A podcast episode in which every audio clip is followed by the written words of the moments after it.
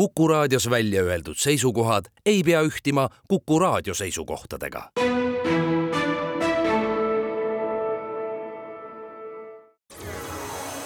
loodusajakiri, vaata ka looduseajakiri.ee tere ja head õhtu jätku kõigile kuulajatele. Kuku raadio stuudios on ajakirja Eesti Loodus peatoimetaja Toomas Kukk. tere, Toomas! tervist!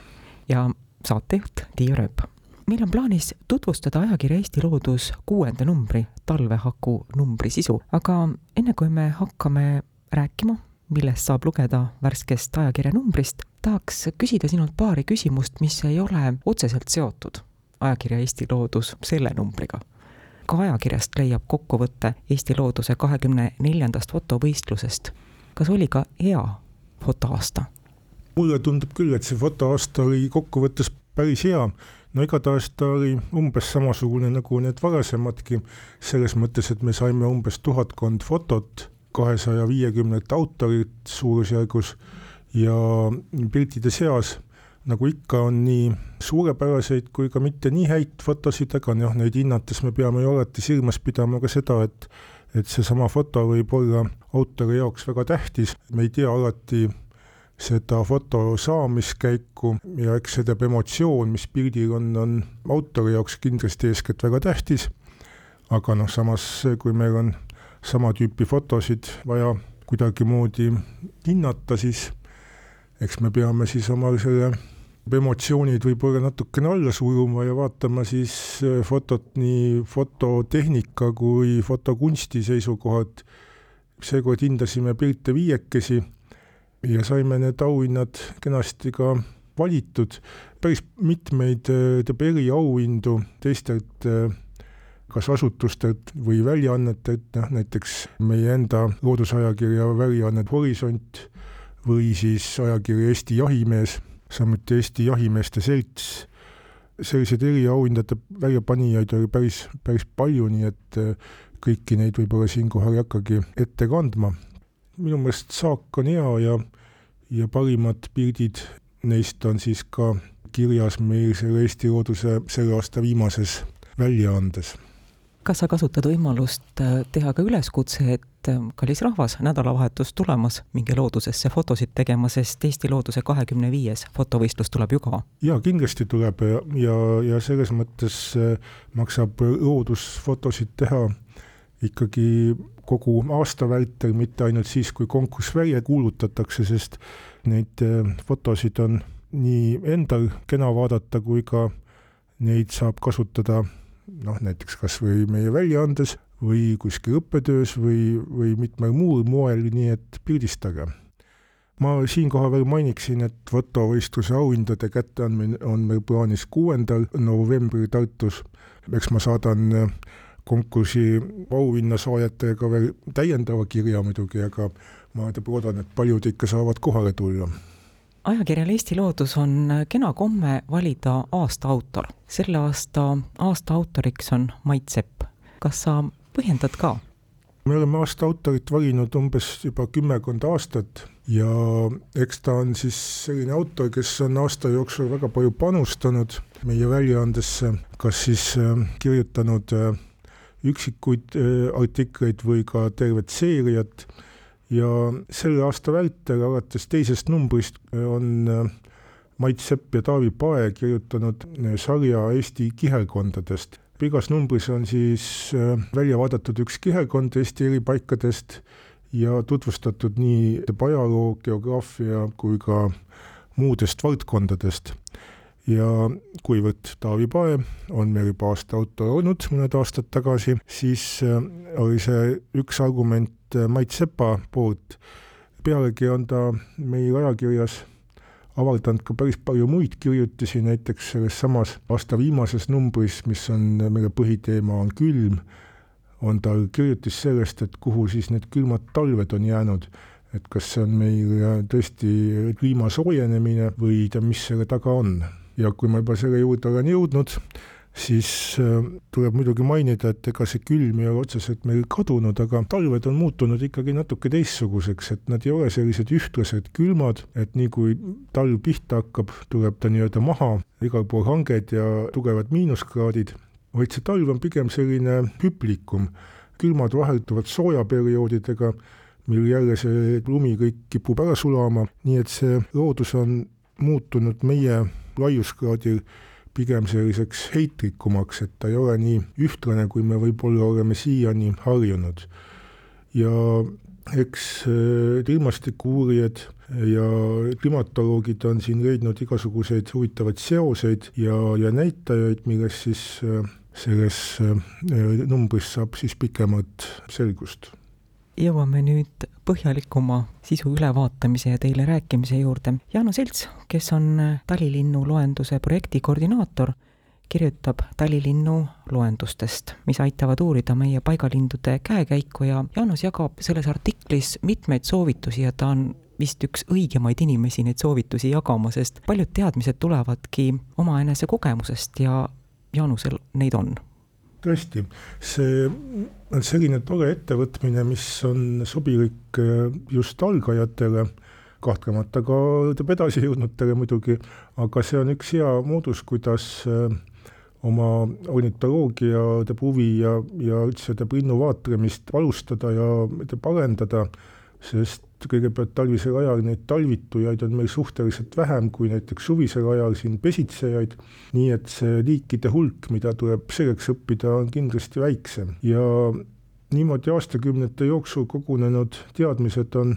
päris äh, tubli täiendus ornitoloogide noh, võib-olla siis äh, kutselistele välitöödele, et siin on väga tähtis koht on loodushuvilistel, nii-öelda rahvateadusel, et äh, vaatluste puhul võib äh, siis arvata mõnes mõttes, et noh, et, et see kirjulähn või siidisaba, et, et noh, teda on siinkandis palju, et ei olegi mõtet seda vaatlust hakata vormistama, aga, aga sellel on siiski võib-olla kaunis oluline tähtsus äh, ornitoloogia teaduses. Ja kui see lindude loendamine võiks kuidagi huvi pakkuda, siis noh, peale selle, et meil on selles ajakirjas teda natukene tutvustatud, on siin ka viide meie ornitoloogiaühingu veebi, kus siis on kirjas täpsemad juhised ja õpetused, kuidas sellega pihta hakata.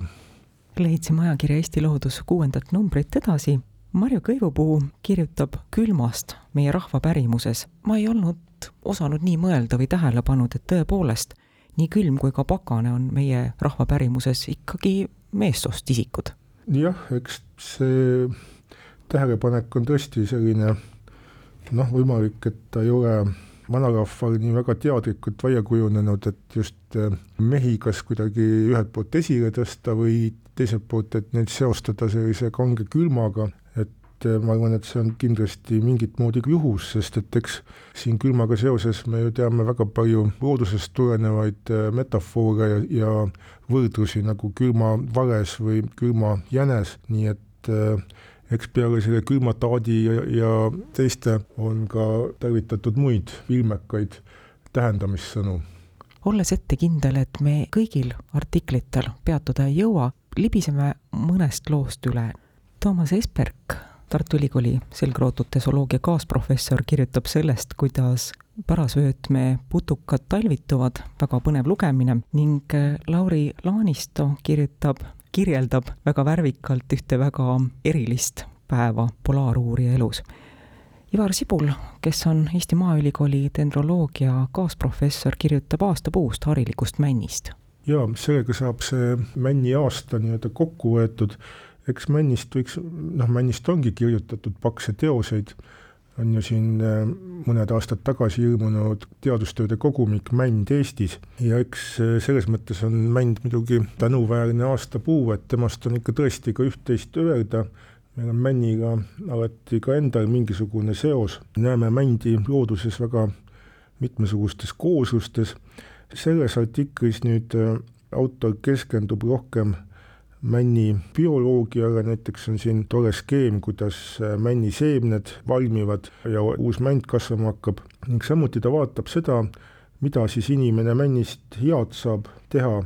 ta on tähtis tarbepuidu äh, allikas, kui ka tal on muid toredaid omadusi, alates siis rahvaluurest teada ristimändidest kui ka siis näiteks ka mesilastarude puuni. nii et igatahes selline ühelt poolt äh, teaduslik, kuid samas ka selline tore praktiline kokkuvõte männi tähtsusest. leidsime ajakirja Eesti Loodus kuuendat numbrit edasi. mükoloog Jane Oja kirjutab seentest, keda võib leida eluhoonetest, eelkõige keldritest, iga majaomanik ähm, tunneb ilmselt, ähm, ma isegi ei oska öelda, mis see tunne on. paanilist hirmu. just aga mitte kõik ei ole need seened, keda majaomanik nii väga paaniliselt kartma peaks. Jane Oja kirjutab sellest, et ähm, keldritest võib leida ka šampinjone ja sirmikuid, austerservikuid ja tindikuid, aga hea meelega läheks edasi järgmise artikli juurde. Martin Tikk suunab meid mõtlema, kui me sügisõhtutel talvehakul nüüd ähm, pimeduse peletamiseks süütame küünla, et milles see küünal on? jah, siin on tõesti mitmed asjadki võib-olla teeb üllatavad, et mille peale pole mõelnud, et kõik need toredad aromaatsed küünlad, mis põlevad ja täidavad ruumi meeldiva lõhnaga, kui ka siis äh, sellised dekoratiivsed, värvilised küünlad, et äh, need ained, mida nad õhku põledes äh, annavad, ei pruugi olla kõik nii väga tervislikud. Et eks me võime olla ju kindlad, et normatiivid, mis on olemas, on sellise mõttega tehtud, et see küünlatuli otsest sellist kahju tervisele ei tohiks teha, no eks sõltub ka muidugi sellest, kui palju neid küünlaid näiteks korraga põleb toas, kui hea ventilatsioon on, aga siin on ka antud juhiseid, näpunäiteid äh, selle kohta, et küünlad ei ole tingimata tehtud tänapäeval parafiinist, vaid nad võivad olla ka täiesti taimsest looduslikust vahast. mesilasvahast tehtud küünlad on muidugi varasemast teada juba ammu sellised kollased ja teistsuguse lõhnaga, aga tänapäeval on ka levinud äh, sojavaha näiteks, ka meie rapsipõldudel kasvavast õlist saab teha vaha ja küünlaid, nii et neid variante on ja ma siin püüdsin ka selgitada seda lugu vaadates, et kuidas siis ma nendel erinevatel vahadel vahet teen. kõige lihtsam soovitus ongi, et tuleb vaadata seda küünlale kaasa pandud teksti, et, et kuivõrd taimsed vahad kipuvad olema kallimad, siis on see küünlatootja selle kindlasti ka suurelt sinna kirja pannud.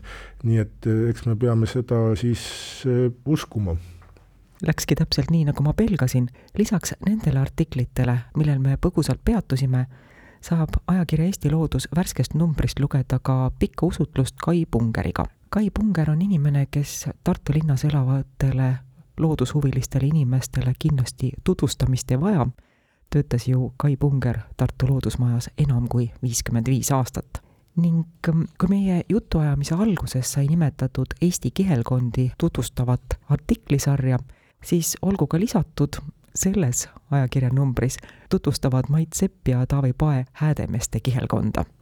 aitäh, ajakirja Eesti Loodus peatoimetaja Toomas Kukk saatesse külla tulemast. aitäh kõigile teile, kes te kuulasite, jälle kuulmiseni. loodusajakiri, vaata ka looduseajakiri.ee